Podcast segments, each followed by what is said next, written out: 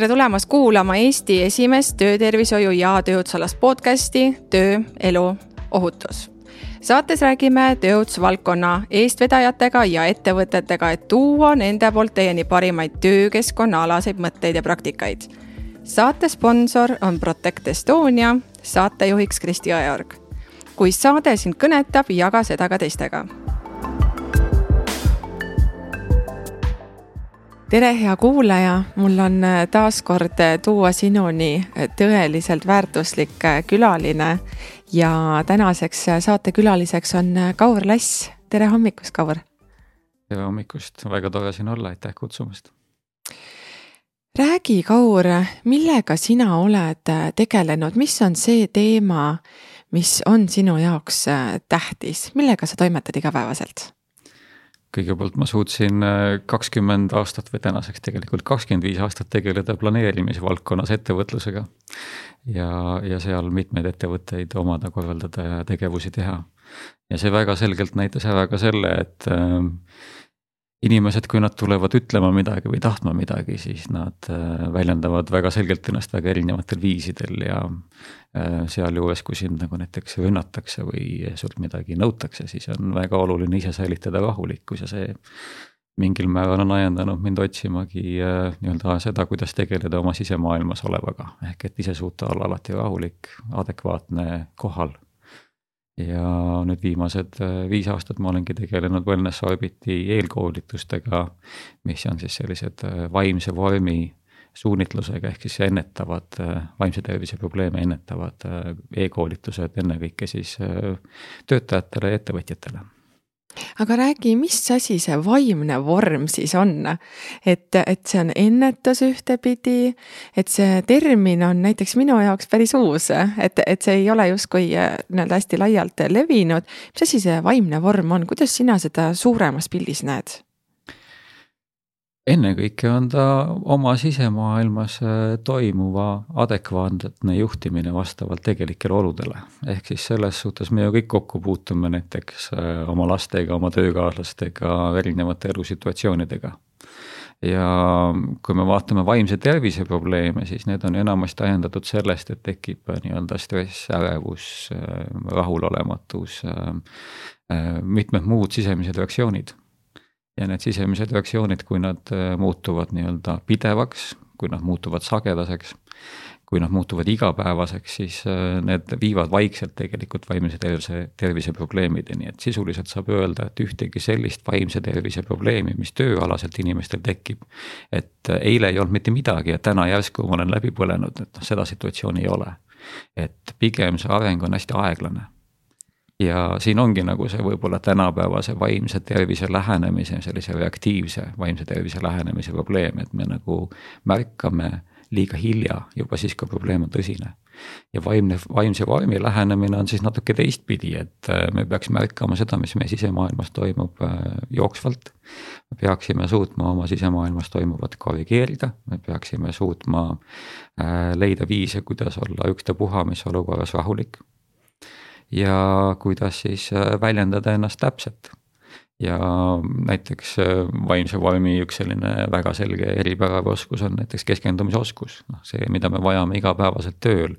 kuidas hoida fookust äh, tegevusel, mida sa teed ja noh, see on näiteks selline oskus, mida üks, igaüks vajab, kui ta töötab avatud kontoris või kui me võtame praeguse pandeemia, et oled kodus ja teed tööd ja kõrval on laps või, või elukaaslane, kes teeb teist tööd, siis see on nagu omamoodi väljakutse on ju, et jääda fokusseerituks sellele tegevusele, mida sina teed.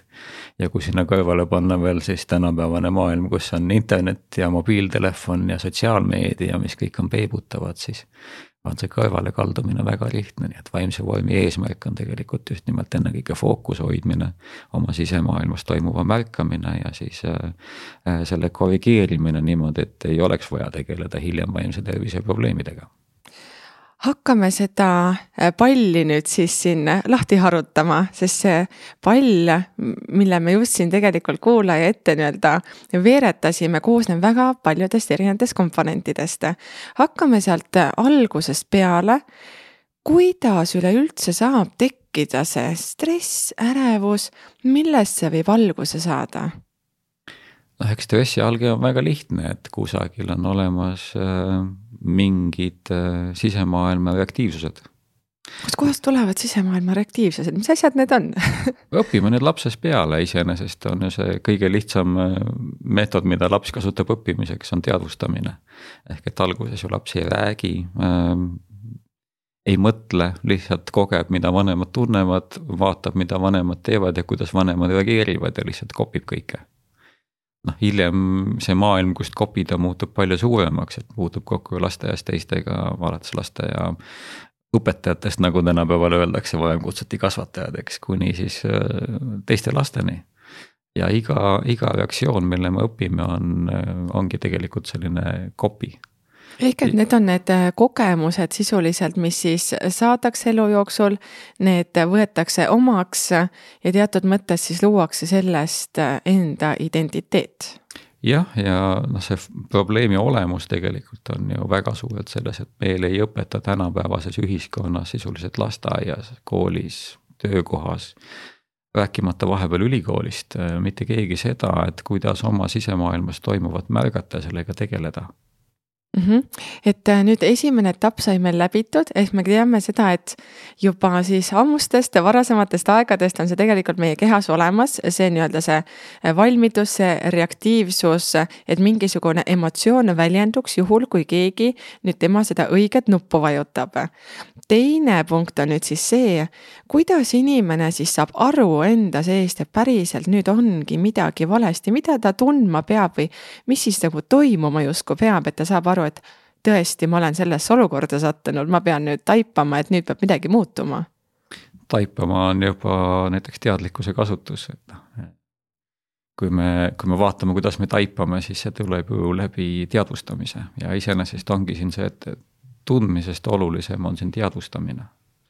sest tihtipeale tunded või emotsioonid võivad olla väga ekslikud, noh, meil võib olla mulje, et et kõik on hästi, meil võib olla mulje, et äh, teatavas pinges töötamine on nagu äh, tulemusi andev ja näiteks äh, noh, väga levinud selline vale kontseptsioon maailmas on see, et positiivne stress on kasulik. Aga kuidas sa ütled, et mis on siis see koht, et kui tõesti see võib olla petlik, et tõesti peabki olema raske ju et raha tulebki rasket tööd pidi, aga et mis, mis tunne või et, et mis asi on see esimene samm, millest inimene võib-olla võib saada lähemale sellele just sellele teadlikkuse tekkimisele, et tõesti, et, et midagi on sellist, mis vajab tähelepanu. et mis, mis on see, mis ole, mis oleks selleks nii-öelda esimeseks märgiks võib-olla, mida märgata iseenesest, mida märkama peaks, ongi nende nii-öelda sisemaailmas olevate reaktiivsuste arvu kasv. ehk et see on nagu esimene kriteerium, mis näitab, et midagi hakkab viltu minema. see on natukene nii-öelda selline eh, teaduslik sisemaailma reaktiivsuste kasv huh,. Eh, tavakuulajale võib see tunduda päris väljakutsuv, et mis, mis see on? lihtsustame, et eh, ega see reaktiivsus taandub ju tegelikult kas siis mingit tüüpi tavalistele nii-öelda kinnisideedele või mõtetele, mis hakkavad jooksma. Noh, ütleme nende kohta võib öelda ka kontseptsioon. ja, ja, ja teine asi, mis väga selgelt nagu selles väljendub, on mingit tüüpi emotsioonid, noh näiteks rahulolematus, pingetunne äh,, ebameeldivustunne, väsimus, tüdimus äh,, viha, raev, ühesõnaga kõik need asjad, mis on elu segavad. ja Eestis on äh, Ingvar Villitoo, kes on väga palju nii-öelda sellisest emotsioonide kontseptsioonide kahjulikkusest äh, rääkinud ja äh, ma väga soovitan osta tema raamatu Emotsioonid saadaval peaaegu kõigis Eesti raamatupoodides, et mina nüüd küsi ja lugeda see läbi, et seal on väga palju see emotsioonide märkamise pool kirjas, et ma arvan, ma ei hakkaks sellesse siin nagu sügavuti sisse minema. aga see, kus see probleem tekib väga selgelt, on see, et me ei teadvusta, me ei märka ja näiteks kui me vaatame täna ka lähenemist töökohtades on ju vaimsele tervisele, siis äh, suur äh, rõhk on sellele, et me peaksime äh, tegelema psühhosotsiaalsete ohuteguritega, mis on nagu iseenesest selline hea monstrum sõnapaar, et. et psühhosotsiaalsed ohutegurid ja noh, mis need nagu on või kuidas need minusse suhestuvad, on ju, siis me räägime, et on olemas stressorid, noh välised stressorid ja kui me ütleme seda, et väline stressor on mingi asi, mis ei sõltu minust, mille nagu justkui tekitab siis paha ülemus, teine kolleeg, ebameeldiv klient siis on see nagu väga lihtsustatud lähenemine selles kontekstis, et loomulikult tema võib olla see, mis käivitab selle õpitud reaktsiooni aga alati tuleb aru saada, et see õpitud reaktsioon ei ole mitte tema tekitatud, vaid see on sinus olemas, see on see, mis su alateadvusest üles kerkib ja võtab su käitumise üle. Ja kui juhtub kokku, et samal päeval on äh, ülemus pahane, klient pahane ja midagi läheb vussi ja veel ütleme ka näiteks arvuti või telefon kinni jookseb, mida tänapäeval juhtub. noh, siis on nagu garanteeritud see, et sul on nagu see mitmekordne ahelreaktsioon juba peale surutud ja kui see on peale surutud, siis enamasti inimesed ei oskagi midagi teha. inimesed ei oska isegi märgata seda, et nad on sinna ummikusse jooksnud. nii et selles suhtes võib öelda, et kõige fundamentaalsem asi ongi teadvustamine, mida saab öelda ka äh, tähelepanu või märkamine, et need on iseenesest sellised teataval määral äh, sünonüümid, aga mitte päris üks-ühele analoogsed mõisted. Aga kui me nagu ei ole võimelised märkama neid asju, mis toimuvad ja probleem on selles nagu vaimse tervise valdkonnas, et need protsessid on aeglased et enamasti ei ole see nagu niimoodi, et ähm, noh, inimesed vihastavad küll vahel väga tugevalt, on ju, aga see on pigem erandjuhtum. pigem on niimoodi, et nagu üks, teine, kolmas, neljas, viies asi ja inimene nagu vajub, vajub, vajub selle koorma all. järgmine tööpäev tuleb uuesti sama ja siis jälle sama ja siis sama ja siis sellest samast saab äh, vahepeal nagu kuud ja siis saab sellest aastad et seal on see, see kuhjumine on aeglane, hästi aeglane, märkamatu kuhjumine on tegelikult see kõige fundamentaalsem probleem ja kuidas sulle tundub, kas siin võiks olla selline äh, väikene abimees, et tõesti, kuna ta on hästi nii-öelda aeglaselt äh, nii-öelda koguv, et teatud mõttes see saabki justkui nagu normaalsuseks, et ei oskagi elada teisiti, et see, aga nii ongi. et, et mida saab märgata, näiteks mulle endale tundub, et Mm, mõeldagi selle peale, millal ma tundsin ennast iseendana sellisena, et mul oli päriselt energiat. ma tundsin rahulolutunnet, milline oli mu elu siis. ja nüüd ma olen siis sellesse situatsiooni sattunud, et mis vahepeal minu elus muutus. kuidas keskkond muutus, kuidas inimesed minu ümber muutusid, kas seal võib olla midagi sellist, mida taibata, märgata? Äh, jaa, kindlasti inimese loomulik seisund peaks olema seismine rahu. Ähm, see on see, mida paljudel ei ole, et kui sa lähed äh, õhtul koju, siis esimene tunnus juba, et midagi on viltu, on see, et heidad voodisse, tahad magama jääda, aga mõtted jooksevad, nii et hull, seisma ei saa. või siis on ähm, noh, mingi negatiivne emotsioon, mis nagu nii-öelda on peal, lahti ei saa ja noh, kui meile õpetatakse palju asju, siis näiteks kasvõi kõige elementaarsemat asja, et kuidas äh, lasta emotsioonist lahti, ei õpeta meile justkui mitte keegi. Ja vot siit tegelikult saimegi kaks väga head äh, soovitust kuulajale. et äh, kui täna õhtul peale seda podcast'i kuulamist lähed magama, siis jälgi ennast et kas uni tuleb kohe nipsti peale ja ükski mõte ei sega ja ei keeruta peas kuidagi ringi ja, ja tunne on mõnus ja rahulik ja, ja noh, võib öelda ka teise väga lihtsa kriteeriumi veel, et kui lähed tööle ja, ja keegi kritiseerib midagi, milles sa oled eksinud.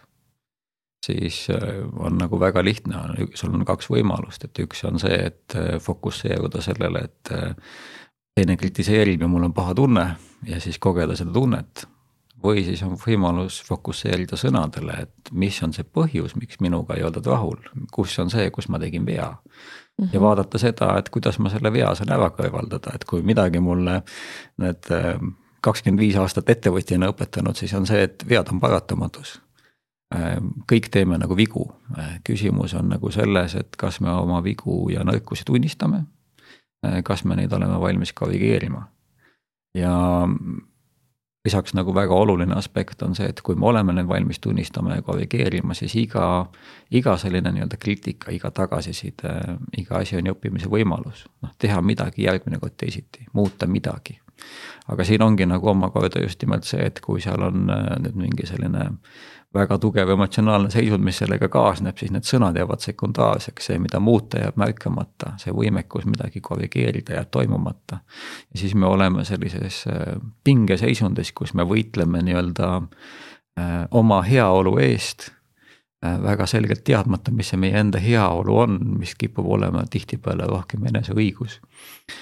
või selline lihtlabane egoism ja, ja see viib meid nagu väga ekslikule teele, see viib meid sinna, et me ei märka tegelikult seda, mida oleks vaja korrigeerida. ja me tegelikult nagu laome kogu aeg oma sisemaailmas uut pinget peale ehk et see õhtune enda jälgimine, mis tunne on, kuidas tekib uni. Ja, ja teine siis, ähm, kui oled töökohal, et, et kuidas toimub sinu nii-öelda reageerimine, reaktsioon siis erinevatele situatsioonidele.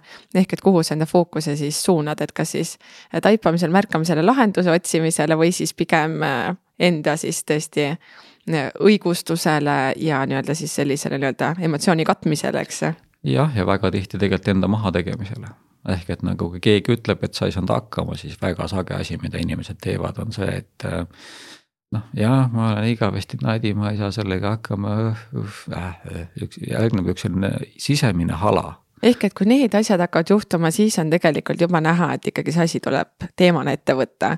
et Ütleme, tähelepanu suunata. kui sisemine hala on standard, siis on vaimse tervise probleem äh, ainult aja küsimus, jah aga räägime nüüd natukene uuringutest. Et ähm, räägi, kas, kas ja milliseid uuringuid on Eestis äh, läbi viidud just selle vaimse tervise koha pealt, et äh, millised on olnud need leiud ja need nii-öelda peamised aspektid, millele tähelepanu siis äh, on juhitud? noh, Eestis on olemas ähm sotsiaalministeeriumi poolt koostatud vaimse tervise roheline raamat, mis väga palju sellist Eesti ülevaadet nagu välja toob aga noh, kui täna vaadata seda, et see on nüüd äh, koroonakriisi eelne aeg, siis ma nagu äh, avastasin siin väga ilusa sellise andmekogu Tervise Arengu Instituudi poole pealt, äh, mis tõi välja, et et siis nii-öelda stressi ja ärevuse kasv on üsna märkimisväärne, et suvel ütles et, et viiskümmend seitse koma üheksa protsenti meestest ja kuuskümmend koma viis protsenti naistest, et nad tajuvad nii-öelda stressi ja ärevust ehk see number minu jaoks tegelikult tundub veel hoopis nimelt madal. ja, ja kui, miks ma ütlen madal, on see, et kui ma vaatan nagu Suurbritannia uuringuid, siis äh, Suurbritannias on nüüd kolm aastat väga süstemaatiliselt kuninglik perekond äh, vedanud sellist vaimse tervise teadvustamise kampaaniat ja nii Theresa May kui äh, praegune peaminister mõlemad on rääkinud ennetamisest ja vaimse tervise olulisusest ja ja selleks on leitud lisaraha ja sellest aastast hakkab nüüd Suurbritannia koolidest või noh, hakkas esimesest septembrist siis või nende, nende kooli algus on natuke varem, hakkas sellest õppeaastast siis ka vaimse tervise õpe mis on igal kooliaastal vähemalt nii-öelda olemas, küll ainult kahjuks väga lühida õppeprogrammina, aga siiski olemas. ja nemad räägivad täna sellest, et stressi kogeb äh, suurusjärgus siiski kaheksakümmend protsenti inimestest ja kui ma olen näinud nagu uuringut, siis kõige kõrgem number, mida ma olen, olen näinud, on kaheksakümmend seitse protsenti. ja üks selline väga huvitav erafirma nagu Investors and People äh, UK-s on siis toonud välja näiteks, et vanusegrupiti stressitasemed on sellised, et äh, need, kes on kaheksateist kuni kakskümmend neli, nende stressitaseme protsent on kaheksakümmend neli protsenti Ehk, millest see tuleb, mis sa arvad, millest see tuleb? kui sa tuled nii-öelda ülikoolist välja, siis äh, inimestel on esialgu ju selline äh, ootus, et nagu nad oskavad. Aga õpe, mis neil on olnud, on teoreetiline ja siis sa kohtad tegelikult seda, et kui sa lähed tööle, sa pead nagu sisuliselt praktiliselt kõik asjad ümber õppima. et kuidas praktikas asjad käivad. noh, sama asi ka koolist ülikooli minnes, et kui sa tuled nagu tavakoolist, lähed ülikooli, siis järsku sa pead ise võtma initsiatiivi, ise vastutama. et eks see ilmselt on see foon ja võib öelda, et see ongi nagu kõige kõrgem stressitaseme periood, see kaheksateist kuni kakskümmend neli ka et kakskümmend viis kuni kolmkümmend neli vahemikus paistab, et inimestel tekib selline tööga kohanemine ja seal see stressitase on keskmiselt nende uuringu järgi kukkunud siis äh, seitsmekümne seitsmele protsendile. kui inimene jõuab kolmkümmend viis kuni nelikümmend neli, siis ilmselt iga on, kus on nagu lapsed noh, siis sul tuleb kellegi eest vastutada, sul on nagu nii-öelda finantskohustused, sa pead nende eest vastutama. Äh, ja siis nii selles kolmkümmend viis kuni nelikümmend neli kui ka nelikümmend viis kuni viiskümmend neli vahemikus see stressitase kipub olema ühtlaselt selline kaheksakümne protsendi ligidal ja siis, kui inimene jõuab pensioniikka üle viiekümne viie aasta, siis see kukub, kukub nii-öelda uuesti kuhugi seitsmekümne kaheksa protsendi tasemele. ehk et selles kontekstis saab äh, väga selgelt rääkida, et äh, kõige kriitilisem koht ongi see, kus sa, kus sa tuled ülikoolist, äh, kohaned tööga ja kus sa mingil määral tuled koolist ja lähed ülikooli, ehk et kus on väga suured elumuutused või murrangud ja need on nagu stressitaseme kohad ja järgmine stressitaseme koht on väga selgelt see koht, kus sa äh, nii-öelda oled oma baasoskused tööl omandanud. enam ei ole üksi, pead vastutama teiste eest, sul on finantskohustused, sul on äh, kolleegide ees kohustused, sul on pere ees kohustused. Ja kuidas sa siis asjadega toime tuled nii et selles kontekstis on need äh, üsnagi sellised äh, suured äh, protsendid. ja kui veel vaadata numbreid, siis väga huvitav on ka see, et kui me ei tee midagi, siis me tihtipeale ei teadvusta, et sellel on olemas vaimse tervise valdkonnas kulu. ja kui siin tuua nagu numbri näitena, siis selline väga tuntud auditifirma nagu Deloitte on kaks korda UK-s läbi viinud väga põhjaliku üleriigilise sellise auditi äh, vaimse tervise kulude teemal. ja kõige viimane nendest audititest anti välja selle aasta jaanuaris ja seal on näha näiteks, et äh, vaimse tervise kulu siis ühe inimese kohta, just nimelt ühe inimese kohta. kui ettevõtja ei tee mitte midagi ja ei teadvusta probleemi on äh, üheksasada viisteist kuni äh, kolm tuhat seitsesada kümme eurot. ehk et see on, äh, see on hind, mis tegelikult tuleneb, nagu nad välja toovad, mitmetest faktoritest, üks on nii-öelda tööl keha tegemine ehk presentism. ehk et inimene on tööl, aga tööle pole keskendunud. ehk et keha on, aga noh, see näiteks vaatab internetti või mõtleb uitmõtteid või tunneb ennast süüdi. selle asemel, et teha tööd. teine pool sellest on äh, nii-öelda absentism või siis töölt eemalolek, ehk siis see, et kui sul on nagu mingi stress on nii suur, et sa ei suuda hommikul tööle tulla. või on sellised kerged läbipõlemise märgid ja siis sa nagu jääd koju. Äh, aga seal on olemas siis veel ka kolmas komponent, mis on nii-öelda haiguspäevad ja haiguskulud, on ju ja need on enamasti sellised asjad, mida tavaline tööandja ei kalkuleeri ja meil on siin Eestis ka ju ähm, kohustus tegelikult tegeleda seaduse järgi vaimse tervise probleemide ennetamisega. aga probleem ongi selles, et seda ennetuse keskset lähenemist süsteemselt ei ole maailmas eksisteerinud. ja kuna seda ei ole olnud, siis tihtipeale see ennetus ongi selline, et nagu me, me proovime töökeskkonnast eemaldada nii-öelda stressi põhjustavaid komponente.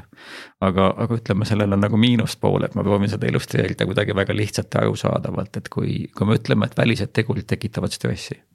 no siis võtame nagu väga lihtsa komponendi raha. et kui sul on liiga palju raha siis võib see olla väga suur probleem selle tõttu, et noh, et keegi võib seda varastada tahta, sa võid seda investeerida valesti. kui sa ei tee midagi tarka, siis see võib ära kuluda. Äh, kui sul on liiga vähe raha, siis sul on ka probleem ja see põhjustab ka stressi. ehk et selles suhtes on nagu hea näide, et üks ja sama asi, kui teda on liiga palju, on ilmselge stressor, kui teda on liiga vähe, on ilmselge stressor. kas võib öelda, et kusagil on olemas ideaalne summa kuus olevat raha, mis ei põhjusta üldse stressi, siis ma ütleksin, et vaevalt. et asi ei ole kunagi summas ega asi ei ole kunagi rahas, asi on tegelikult selles, mida ma kogen, kui mul on liiga vähe. noh, mida ma kogen, kui mul on see etteantud summa kuus oksa saab. mida ma kogen siis, kui mul on see liiga palju raha ja ma kardan sellest ilma jääda või valesti investeerida või seda kaotada.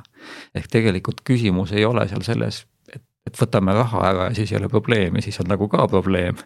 et totaalne rahatus on samamoodi stressor. ehk et probleem on selles, kuidas me reageerime sellele rahasummale, kuidas me reageerime sellele rahale ise seespool. ehk et see hirm ja turvatunne ka tegelikult, et hirm, et kui keegi võtab ära ja hirm, et on liiga vähe. ja siis, kui on liiga vähe, siis on maha, nii-öelda madalam turvatunne, et võib-olla kuidas ma saan lastele pakkuda, kuidas ma saan endale pakkuda ja, ja võib-olla siis ka nii-öelda, kui sul on palju raha, et siis on ka nii-öelda see turvatunne, et kas mul on turvaline, et võib-olla tulevadki tead röövlid ja pätid ja siis jäävad konto tühjaks, eks ju. no, no täpselt ja noh, seda võib ka teistpidi võtta, et äh, kui me töökeskkonnas äh, siin äh, pidasime nagu seda väga loomulikuks, et töökeskkond on stressiallikas, noh siis täna me töötame kodus ja kui me vaatame numbreid, siis stressitase on läinud hullemaks, et noh, Eestis on ka numbrid tõusnud, Suurbritannias on numbrid tõusnud, ehk tegelikult need numbrid, mida ma enne rääkisin, olid ka pandeemia eelsed. ja kui me vaatame seda, et nüüd on asi veel hullemaks läinud, siis ju järelikult küsimus ei ole kunagi olnud nendes stressorites, mis on töökohas vaid et ikkagi see käib inimese persooniga endaga kaasas. et, et kuidas siis tema nii-öelda üksikisikuna endaga tuleb toime ja kuidas ta tuleb siis nii-öelda kontekstiga toime täpselt, täpselt nii ongi jah, ja see ongi see koht, mida on vaja teadvustada, et on vaja lõpuks võtta iseenda elu üle isiklik vastutus, ehk et kes vastutab sinu eest? Et siin võib äh, tekkida võib-olla tööandjal selline mõte, et olgu, et mu inimesed siis hakaku ise vastutama aga tegelikkuses ma näen, et see on kuristiku mõte just ettevõtluse mõttes. et kui tööandja annab täieliku vastutuse töötajale, ise ei panusta, siis tegelikult see ju ähm, ohustab väga konkreetselt selle ettevõtte äritegevust või kuidas sulle see tundub? ja ma olen äh, selle väitega ka nõus, et siin tegelikult see on iseenesest kombinatsioon, et äh, inimene ilmselgelt peab võtma isikliku vastutuse, see, mida tööandjal on vaja teha, on anda vahendid, et ta saaks seda vastutust võtta et see töötaja kogeks ennast usaldatuna ja et see töötaja saaks tegelikult äh, aru sellest samast oma sisemaailmas toimuvast ja noh, selleks ongi, ongi meil nagu wellness-farbid äh, välja leiutatud ja tööle pandud, et tööandjad saaksid oma töötajatele anda koolitused, mis võimaldavad õppida kasvõi sedasama asja, et vastutus ei ole halb. noh, kui me võtame vastutuse kõige positiivsema külje, siis vastutus on kõige elementaarsem vabaduse eeldus. ehk et ei saa olla kunagi vabadust, kui sa ei vastuta selle eest, mis sa teed. ja, ja siin ongi võib-olla see, et kui inimesed tahavad vabadust, aga vastutust ei võta, siis vabadust ei teki noh, see on kõige parem näide võib-olla jälle nagu finantsmaailmast, et, et nii-öelda vastutustundlik finantskäitumine annab sulle vabaduse. et kui sa nii-öelda mingi koguse oma sissetulekut investeerid ja ei ela kohe ära, siis see võimaldab seda sissetulekut, mis sul on nii-öelda kasvatada rohkem kui ainult tööd tehes aga see tähendab seda, et sina vastutad selle eest, noh loota, et sa lähed nagu panka ja ütled, et äh, pange mu raha investeerimisfondi ja see kasvab, siis tihtipeale tegelikult on vaja aru saada, et see keegi teine, kes nagu võtab selle raha endale, tahab seda kasvatada enda jaoks ja. noh, olles ka investeerimist mitmetpidi proovinud, siis peaaegu kõik fondid, mida pangad nagu pakuvad, tegelevadki sellega, et äh, võtta sealt pealt suhteliselt kõrget valitsemistasu ja teenivad sulle natuke. kui sa teed omale investeerimise selgeks, võtad ise vastutuse selle valdkonna eest, siis sa saad aru, et et ise investeerides valdkonda, mida sa mõistad, võid sa teha paremat tootlust. me võime nüüd sama analoogia panna laste kasvatamisele, töö tegemisele, ükstapuha millele muule, et kui sa teed oma tööülesande selgeks professionaalina.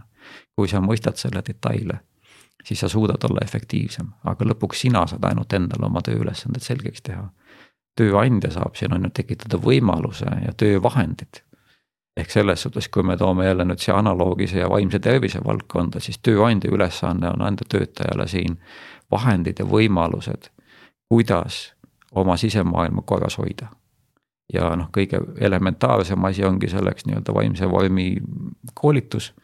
Ehm, noh, kui minna nagu isiklikus arendus kaugemale, siis võib öelda, et Eestis on olemas tõesti Ingvar Villitoja teadliku muutuse kunstikursused, kus nii-öelda isikliku sellise seesmise arengutaseme, taseme mõttes pakutakse võib-olla just nimelt sellist ülikooli taseme teadmist, et kuidas oma emotsioone vabastada, kuidas oma kontseptsioone vabastada ja, ja kuidas oma sisemaailma nagu muuta niimoodi, et sa saaksid tegelikult aru, kes sa oled sest sa ei ole kindlasti oma mõtted ja sa ei ole kindlasti oma emotsioonid ja kindlasti sa ei ole oma ametinimetus ja kindlasti sa ei ole ka iseenesest oma olemuselt ei isa ega ema. et sa võid olla kõikides nendes rollides, aga sa pead aru saama ka sellest, et just nimelt see tegelik sina on see, kes juhib protsesse ja siin nagu nii-öelda see baasharidus või elementaarne arusaam on ikkagi just nimelt see, et mõista äh, komponenti nimega teadlikkus mõista seda, et kuidas sa juhid oma tähelepanu, äh, mõista seda, et äh, sa hakkad märkama, et sul on sisemaailm ja et sul on sisemaailmas toimuvad protsessid. ja võib-olla see ongi nagu kõige suurem selline fundamentaalne eksitus meie ühiskonnas, et me ei teadvusta, et meil on sisemaailm. ehk me nagu oleme harjunud sellega, et meil on füüsiline keha ja, ja kõik, mis toimub, justkui on ümber meie aga me jätame märkamata selle kõige olulisema poole, mida see ümber meie toimuv põhjustab meie sees ja kuidas me sellele siis ühtepidi kas automaatselt reageerime või siis äh, kuidas me selles olukorras vastupidi teadvustatult käitume. Jah, et see on täpselt nagu ka selline probleemi lahenduse pool, et inimene näeb, et tal on probleem ja siis tekib esimene tunne, et see probleemi põhjus tuleb kuskilt väljaspoolt nii-öelda väliste stiimulite nii-öelda alusel. aga ühel hetkel, kui inimene hakkab märkama enda peas neid lugusid, mida ta tegelikult iseendale räägib, mis on emotsionaalsed kus on mingisugused väikesed ka faktid sees, mis nii-öelda aitaksid tal seda probleemi lahendada, aga sinna tihtipeale ei jõuta täpselt nii ongi jah, et just nimelt ei jõuta, et ja, ja, ja miks ei jõuta, on seesama teadvustamatus, et mul on sisemaailm. ehk väga lihtne on see, et keegi teine on süüdi.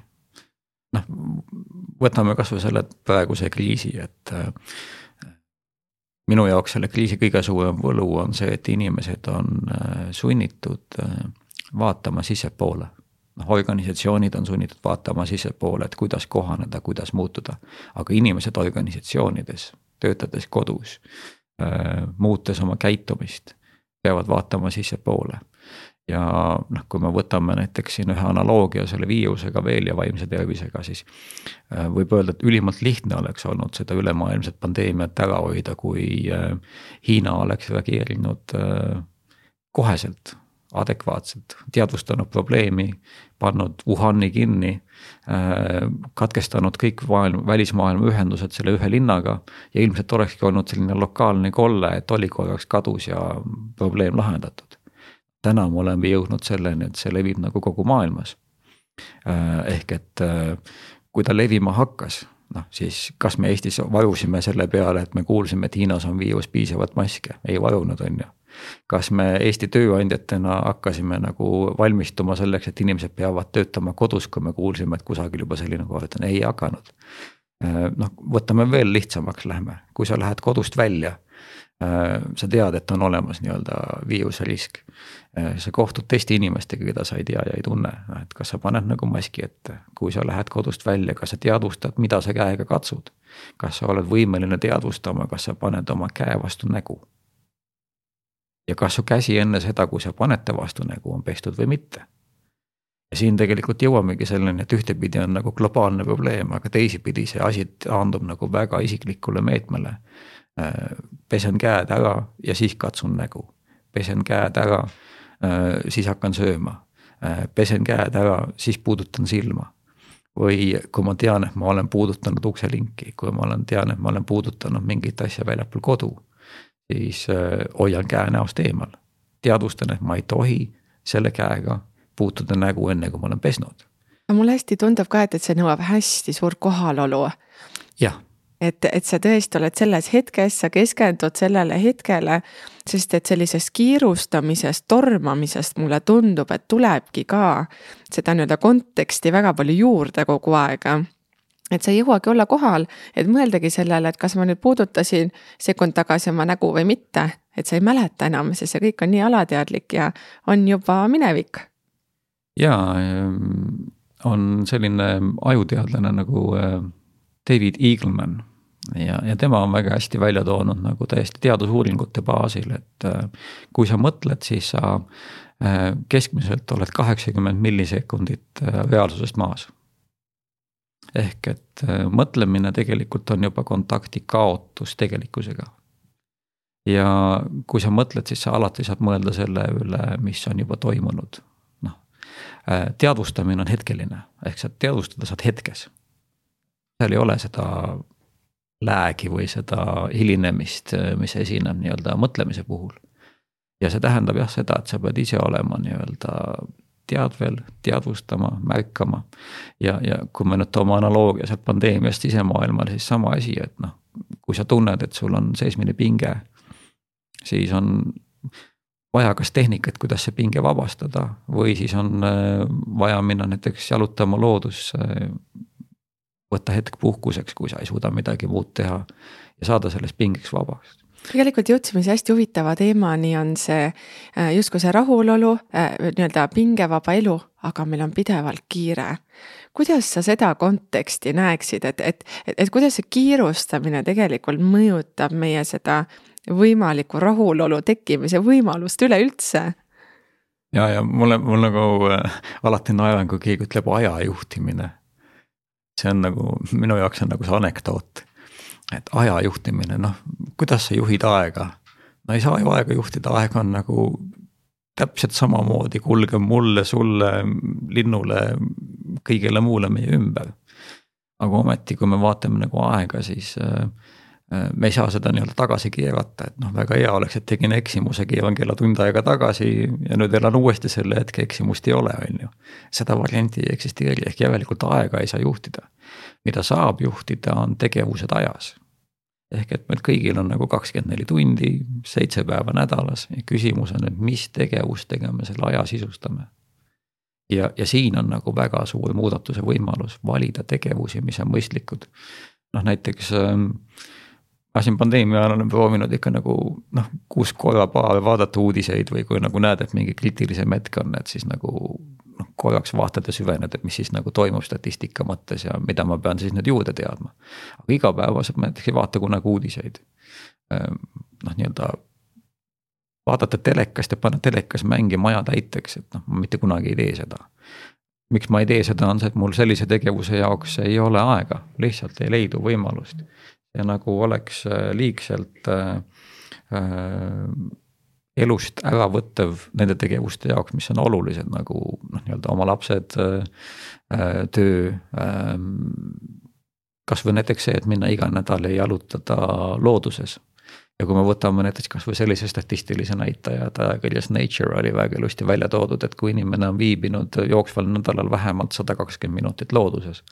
siis see mõjub vaimsele tervisele hästi Äh, noh, samas me võiksime ju iga päev leida looduses viibimise aja ja kui me võtame hästi huvitava asja, siis looduses on ju foonil olemas alati rahulikkus. seal on alati olemas kohalolu. lind ei, ei muretse kunagi selle pärast, et kas ta homme saab süüa. et ta nagu vaatab ringi ja kas ta leiab midagi süüa, siis sööb seda, mis on ehk nagu me inimestena tegelikult muretseme liiga palju ette, me kandume liiga palju nagu nendest vajalikest tegevustest nagu looduses viibimine või tööl kohal olemine ja sellel tööülesandele lahendamisele keskendumine kõrvale äh, tegevustele, mis on nagu noh, nii-öelda mõnes mõttes ägedamad, et äh, väga lahe on ju kolleegiga kokku saada ja rääkida kedagi taga või. Äh, või siis rääkida, mis ma uudistest kuulsin või rääkida eile telekas vaadatud filmis toimunust.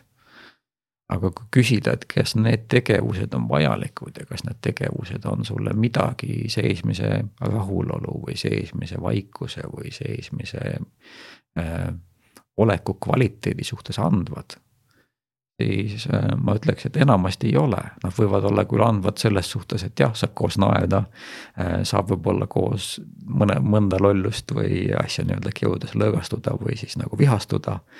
aga kas see on vajalik? absoluutselt, ma olen täitsa nõus, et äh, no näiteks ma isegi õhtuti tegelikult tekib kiusatus, et vaataks filmi, mis võib-olla siis vot nüüd ongi aeg endale, lapsed magavad, jess, saan nüüd ise korra olla ja lähen vaatan filmi. aga kui tihti ma olen tegelikult ennast täpselt sellelt samalt mõttelt äh, nii-öelda avastanud, et nii, ma vaatan seda filmi, ma praegu ohverdan enda väärtusliku uneaja just äh, selle filmi vaatamise nii-öelda konteksti ja kas ma tahan seda, et kas ma olen valmis oma väärtuslikku uneaega kaotama äh, nii-öelda saamata tegelikult sellest filmist mitte midagi sellist, mis teeb minu elu paremaks tõstab minu rahulolu, äh, vähendab väsimuse astet, seda ei juhtu. seega ma panen klõps kohe teadlikult puldis siis äh, selle filmi kinni ja lähen magama minu arust on väga okei okay ka filmi vaadata, noh näiteks ma ei tea, a la Matrix või V aga kui sa sellest saad ja sa tõesti pakud. Vendetta on ju, et noh, filmid, mis seletavad väga palju lahti ka ühiskonnas toimuvat ja sedasama, et lõpuks sa ju vastutad ise, sa pead ise tegema valikud mm. -hmm. et noh, sellised filmid on kindlasti väärtused ja, ja nende vaatamine on kindlasti midagi andev, kui sa tegelikult süvened sellesse, mida see film annab. täpselt, sa saad ikkagi sellest midagi, et see on väärtuslikult veedetud aeg, jah. kui ma vaatan nagu seda, et mis on tavatelekas on ju tapeediks tulev siis nagu mõrva stsenaarium variandis viis miljonit kolmsada neli nelikümmend kaheksa, kuidas keegi ära tapeti, kuidas uuriti ja, ja, ja selles ei olegi midagi õppida. seal on ainult nagu selline fantaasialend, kuidas kedagi maha lüüa, proovida sellest pääseda ja kuidas siis see keegi vahele võtta, see, see stsenaarium on nagu üks ja sama ja mul lapsed on äh, vahvalt öelnud, et. tead need Hollywoodi filmid, et need on nagu igavad, neil on kõigil üks ja sama süžee mm. -hmm. et nagu näitlejad on teised aga, aga see, mis on nagu see sisu, on tegelikult üks ja sama stsenaarium ja valdavalt ongi ja küsimus ongi selles, et kui palju kordi seda ühte sama stsenaariumit vaatad. ja samal ajal on ju olemas väga ägedaid dokumentaalfilme, et siin äh, just üks päev vaatasin filmi kaks tuhat nelikümmend või siis on olemas äh, äh, suhkrufilm, mida on sama mees teinud noh, näiteks, et suhkru kahjulikkusest tervisele või siis see kaks tuhat nelikümmend on nii-öelda kliimaprobleemidest ja meie, nende mõjust meie, meile ja meie elule. et noh, sellised filmid on väga palju andvad, need võimaldavad nagu aru saada, mis maailmas toimub ja, ja muuta midagi enda elus. ehk et kõik need filmid, mis ilmselt võimaldavad muutust endas, on kasulikud ja neid täitsa tasub vaadata. aga kui me vaatame sellist tapeedi asja ja, ja selle arvelt jätame magamata, selle arvelt jätame korralikult söömata, selle arvelt jätame looduses käimata. Äh, kui me kuulame nagu tapeedi asju, noh, selles suhtes, et äh, ka raadiost mingit äh, üks probleem teise probleemi otsa. Ja siis me samastume nende probleemidega, siis me tegelikult ju nii-öelda me mõtleme nende üle, me võtame nad enda sisemaailma. Ja, ja tihtipeale, kui vanemate inimestega rääkida, siis on niimoodi, et, et jutt tulebki selline, et oi, elu on nii raske, tead, ma raadios kuulsin, seal tapeti see, seal varastati too, see kaotas seda, see minister arvas seda äh,. selle asjaga on see jama. Ja siis, kui küsid selle inimese käest, et aga kuidas see sind puudutab siis mõistlikku vastust ei olegi. ehk tegelikult väga lihtne on nagu väljast korjata üles tohutu rägastik probleeme, teha need enda omaks, enda identiteedi osaks ja, ja kaotada ennast ära. ja seal ongi tegelikult üks selline alge ja kui me võtame vaimse tervise, siis üks pool on tegelikult see nii-öelda oma äh, sisemaailma süstemaatiline treenimine, mis on nagu A ja O äh,. aga, aga teised komponendid, mis seal juures on just nimelt nagu kvaliteetne toit kvaliteetne uni, noh jalutuskäik looduses. Ähm, kasvõi näiteks selline lihtne aeg, et iga päev leiaks äh, viisteist minutit või tund aega, et äh, istuda vaikuses, kuulata vaikust. ma mäletan, kui ma olin väike, siis lapsepõlves olid mul sugulased, kes alati veetsid nende juurde külla minnes videvikutundi. et kui hakkas minema pimedaks, siis lihtsalt tund aega pandi raadiot, telekad, kõik asjad kinni, istuti. vesteldi, kuidas see päev on olnud või siis, kui ei olnud midagi vestelda, siis istuti, kuulati vaikust. noh näiteks mulle väga see asi sümpatiseeris. ma võin öelda, et täna ma alustan ka iga päeva sellega, et ma leian nagu sellise äh, ütleme vähemalt äh, kakskümmend minutit, aga ideaalis pigem kuni tund aega aega, et äh, hoida seesmist vaikust ja siis ma tunnen, et ma võin rahulikult päevale vastu minna, päeva jooksul võib mind tulistada, karjuda, röökida, sõimata ja ma võin selle kõigega rahulikult toime tulla.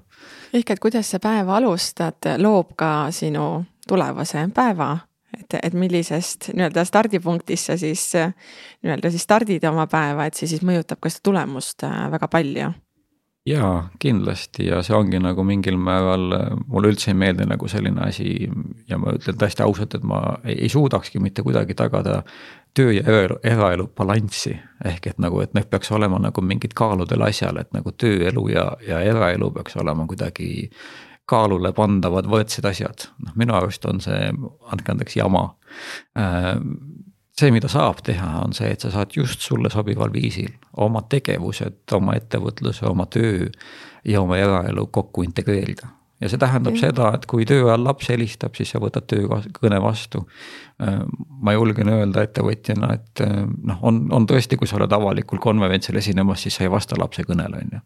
aga kui mul on töökoosolek ja kui ma näen, et mul on kasvõi klient ja, ja kui ma ütlen talle, et äh, ma vabandan, aga mul on vaja kolm minutit, et rääkida lapsega ma ei ole veel kohanud tegelikult ühtegi klienti või inimest, kes selle peale pahaseks saab. et öeldakse, et jah, okei okay ja, ja siis ise hoolitsedki selle eest, et sa saad lapsega lühidalt räägitud, ütleb, ma helistan sulle näiteks tagasi, aga saad lapse mure ära kuulata. kui tal on vaja koolist koju tulla, et pea valutab või kehv on olla, siis lubad ta koju ja ütled, et ma helistan sulle peale koosolekut ja siis helistadki. ja see ongi tegelikult selline võib-olla väga lihtne näide, kuidas sellist tööelu ja eraelu integreerida. või siis ka see asi, et kui sa teed tööd, noh, sa tunned, et see päev ei tule, ei tule tulemust, noh, pead kirjutama näiteks, ma olen palju kirjutanud artikleid, pead kirjutama artiklit tähtajani on veel näiteks päev või paar aega, aga ei tule. no aga siis võtangi hetke, lähen välja, lähen söön, teen jalutuskäigu, tulen tagasi kontorisse, tunnen, et ma olen puhanud, istun ja mul tuleb see artikkel lubinal.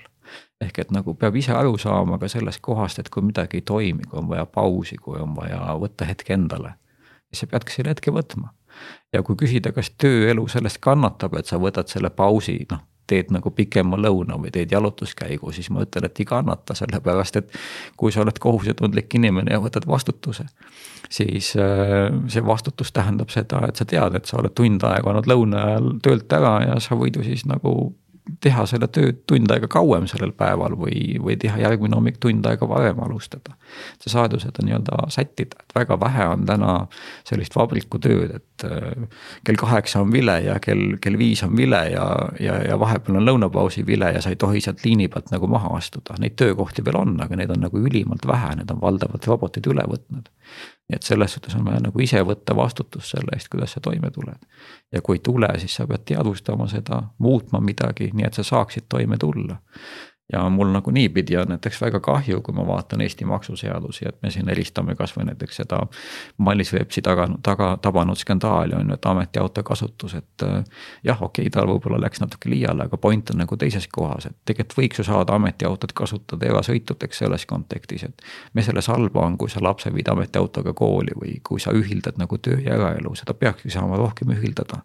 ja me olemegi võib-olla täna nagu ühiskonnana kandunud liigselt sinna äärmusesse, et me nagu tahame öelda, et nagu tööelu ja eraelu äh, ja ka meie maksukeskkond nii-öelda soodustab seda, et need peavad olema nagu lahku löödud, neid ei tohi nagu ühendada. ja mm. seal on tegelikult kõige fundamentaalsem viga minu jaoks nagu vaimse tervise valdkonnas. et see jõuga lahku löömine on nagu vägivald äh, sinu elu kallal kuidas sulle tundub see, et äh, ühel omal viimasel koolitusel ma ise ka õpetan neid psühhosotsiaalseid ohutegureid koolitustel et ühe osana. ja viimati oli üks selline väga huvitav repliik, et näed, et äh, meil on siis tagatud töötajatele psühholoog, aga tööandja tahab, et me seal psühholoogi juures räägiksime ainult tööasju. et ega tema ei pea hakkama maksma selle eest, et minu eraasju hakata lahkama. kuidas, mis mõtted sul sellest äh, kontekstist tekivad? Tööelu kvaliteedi äh, mõistes just? minu arust on tööelu ja eraelu kõik, meil on nüüd üks elu, mina ei tea, mina ei ole küll märganud, et ma elaks nagu niimoodi, et mul oleks kaks erinevat keha ja siis ma nagu lähen tööd tegema või, või olen nüüd nii-öelda ettevõtja, lähen hommikul tööle, siis ma võtan nagu selle töökeha. ja siis teen tööasjad ära, tulen koju ja siis nagu nii-öelda vahetan nagu jope ära, et nagu lähen teise keha sisse, nüüd ma olen nagu eraelu keha. et minu arust oleks nagu ammu aeg aru saada, et meil on üks keha kogu aeg, meil on üks Äh, mõistus kogu aeg, meil on äh, üks sisemaailm kogu aeg. ja kui selles sisemaailmas on eraelu tõttu pinged, noh näiteks keegi elab läbi lahutust, surma, valu. Ähm, noh, kõige julmemat asja võib-olla lapse kaotust, on ju. siis nagu oodata, et see inimene tuleb tööle ja on äh, nii-öelda samamoodi motiveeritud, samamoodi täpne, samamoodi korrektne kui olukorras, kus ta eraelus on kõik perfektne noh, see on nagu minu arust absurdne ootus ja ometi me nagu millegipärast oleme selle absurdsuse muutnud standardiks või loomulikuks. ehk tegelikult me oleme nagu täiesti valesse kohta kandunud selles kontekstis. et no ammu oleks nagu aeg aru saada, et see üks elu on ja kui eraelu ei toimi. ja, ja kui selleks on vaja mm, psühholoogi või siis psühhiaatri abi. siis mida varem see abi tuleb, seda parem ja tööandja saab ainult võita sellest, kui see abi on olemas, sest inimene saab oma eraelulise probleemi lahendatud. Aga noh, võtame ka teistpidi, et kui võtaks töökeskkonnast rääkida, siis meil on väga palju nii-öelda. nii-öelda toxic workplace relations ehk nagu siis mürgised töösuhted on ju. Noh, need tuginevad ju ka sellest, et äh, ühel inimesel on sisemaailma reaktiivsus, teisel inimesel on sisemaailma reaktiivsus ja kui nüüd psühholoog või psühhiaater lahendab ühe inimese probleeme aga teine inimus, inimene äh, seal kõrval tihtipeale näiteks ülemuse positsioonis. Äh, on, on nii-öelda sissesõitev, on seda inimest kahjustav. siis kuni see teine inimene ei korrigeeri oma sisemaailma, siis see inimene, kes on kannataja, jääbki kannatama ehk selles kontekstis nagu äh, meie algne idee Wellness Orbitit tehes oli väga selgelt see, et vaimse vormi koolitus peab olema absoluutselt igale töötajale ja tööandjale, ehk seda on vaja igalühel ja kui me loome nagu ettevõttes või töökeskkonnas inimestele ühise arusaama, milline on nagu vaimse vormi olulisus, ja selle ühtemoodi jälgib nii ülemus, alluv kui ka nii-öelda kõige vägevamal positsioonil ekspert kui täielik algaja, kes ei tea tööst veel mitte midagi. ja kui neil on nagu ühine arusaam seal foonil, siis tegelikult sealt tekib suhete normaliseerumine. Ja, ja kui me sinna konteksti paneme selle töö ja eraelu, siis need suhted on läbivad ju kõikjal. ehk et kui sa töö juures saad kliendilt sõimata asja eest, mida sina ei teinud ja mingi teine kolleeg tegi. ja sa lähed õhtul koju ja siis sul on laps ja see laps küsib su käest midagi mesimagusal ilusal häälel ja siis sa ütled lapsele midagi väga jubedat. tänu sellele, et sul on sisemaailma aktiivsus käimas. siis sa paned ju lapse tegelikult kannatama selle juures, mis juhtus tööl. Ja see on täpselt see, et sa ei suuda sellest lahti lasta ja, ja siin ei ole vahet, võib ka olla vastupidi, et äh, abikaasa või äh, sugulane või keegi teine ütles sulle tohutult halvasti, lähed tööle. ja siis sa sõimad oma kolleegi läbi, sellepärast et sul on nagu kodus probleem.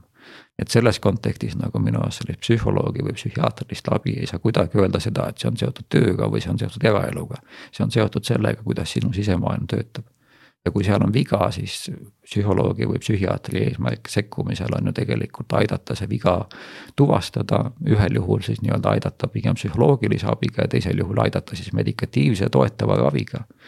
ja mida ma tahaks nagu rõhutada, on see, et kui me kasvatame probleemi suureks, kui me ei enneta, siis äh, ravi psühhiaatrias on tegelikult mitte kuud ja, ja, ja mitte isegi nagu pool aastat, vaid siin me räägime siin aastatest, me räägime inimestest, kes käivad võib-olla kümneid aastaid äh, erinevate ravimite kuuride all, on ju, et saada kuidagi oma sisemaailm tagasi korda.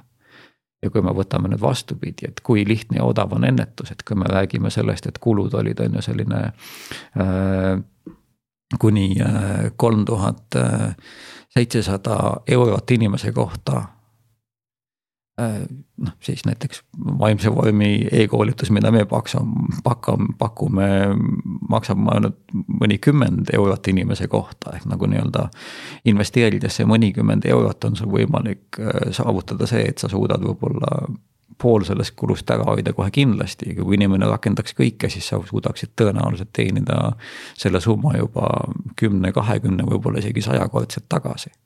Ja siin ongi nagu see nii-öelda ennetamise olulisus, see on nagu täpselt see Wuhani näide, et nagu oleks ühe koha kinni pannud, oleks õigeaegselt reageerinud, siis tegelikult oleks äh, triljonit dollarit kahjut kannatamata. Ja, ja siin on sama, et kui me nagu õigel ajal ennetame, siis me võime nagu ühe töötaja suhtes hoida nagu tuhanded eurod iga aastat kahjumit ära ehk et siit äh, tegelikult ka hakkame vaikselt äh, tänaseks lõpetama selle äärmiselt praktilise vestlusega, mis võiks siin tegelikult veel tunde ja tunde veeta. et äh, väga tähtis on investeerida vaimsesse tervisesse, sest see otsene tulu sealt küll ei ole kohe järgmisel hetkel veel investeeringut tulbana nii-öelda visuaalselt näha aga ta on näha siis inimese töö tulemuslikkuses, suhtluse kvaliteedi kasvus ja hiljem ka siis tegelikult ju ettevõtte ärikasumis täpselt ja, ja ma ütleks niimoodi, et see on nagu väga selgelt näha ja see Deloitte uuring, kes tahab, võib minna wellnessorbit.com ja vaadata sealt äh, või wellnessorbit.com on ju. kodulehele, seal on see Deloitte uuringu kokkuvõte väga ilusti meil välja toodud kõikide graafikute ja näidetega, et see võit on tõesti nagu rahaliselt väga selge, see oligi Deloitte sõnum. et investeerige vaimsesse tervisesse enne, kui inimestel on probleemid. ja võib-olla üks selline väga oluline take away või selline kokkuvõte siit on see, et äh, ma olen väga palju kogenud nagu vaimse tervise teemast rääkides, et äh, eriti vanemate meesterahvaste seas, et kui ütled vaimne tervis, siis on see, et mul seda ei ole. ehk et see ei puutu minusse, mul ei eksisteeri seda. noh, kui sa oled inimesena sündinud, siis fakt on see, et sul on vaimne tervis ja küsimus tegelikult on ainult ühes asjas. kas see on hea või halb? See oli väga hea lõpp, ma arvan, meie vestlusele. suur tänu, Kaur, et sa võtsid aja, et investeerida kõikide meie Eesti inimeste nii-öelda teadmiste kasvu, et see on tohutu suure väärtusega. aitäh kutsumast, Kristi. ja siinkohal siis lõpetame ja kutsume teid kuulama juba järgmisi väga harivaid podcast'e, aitäh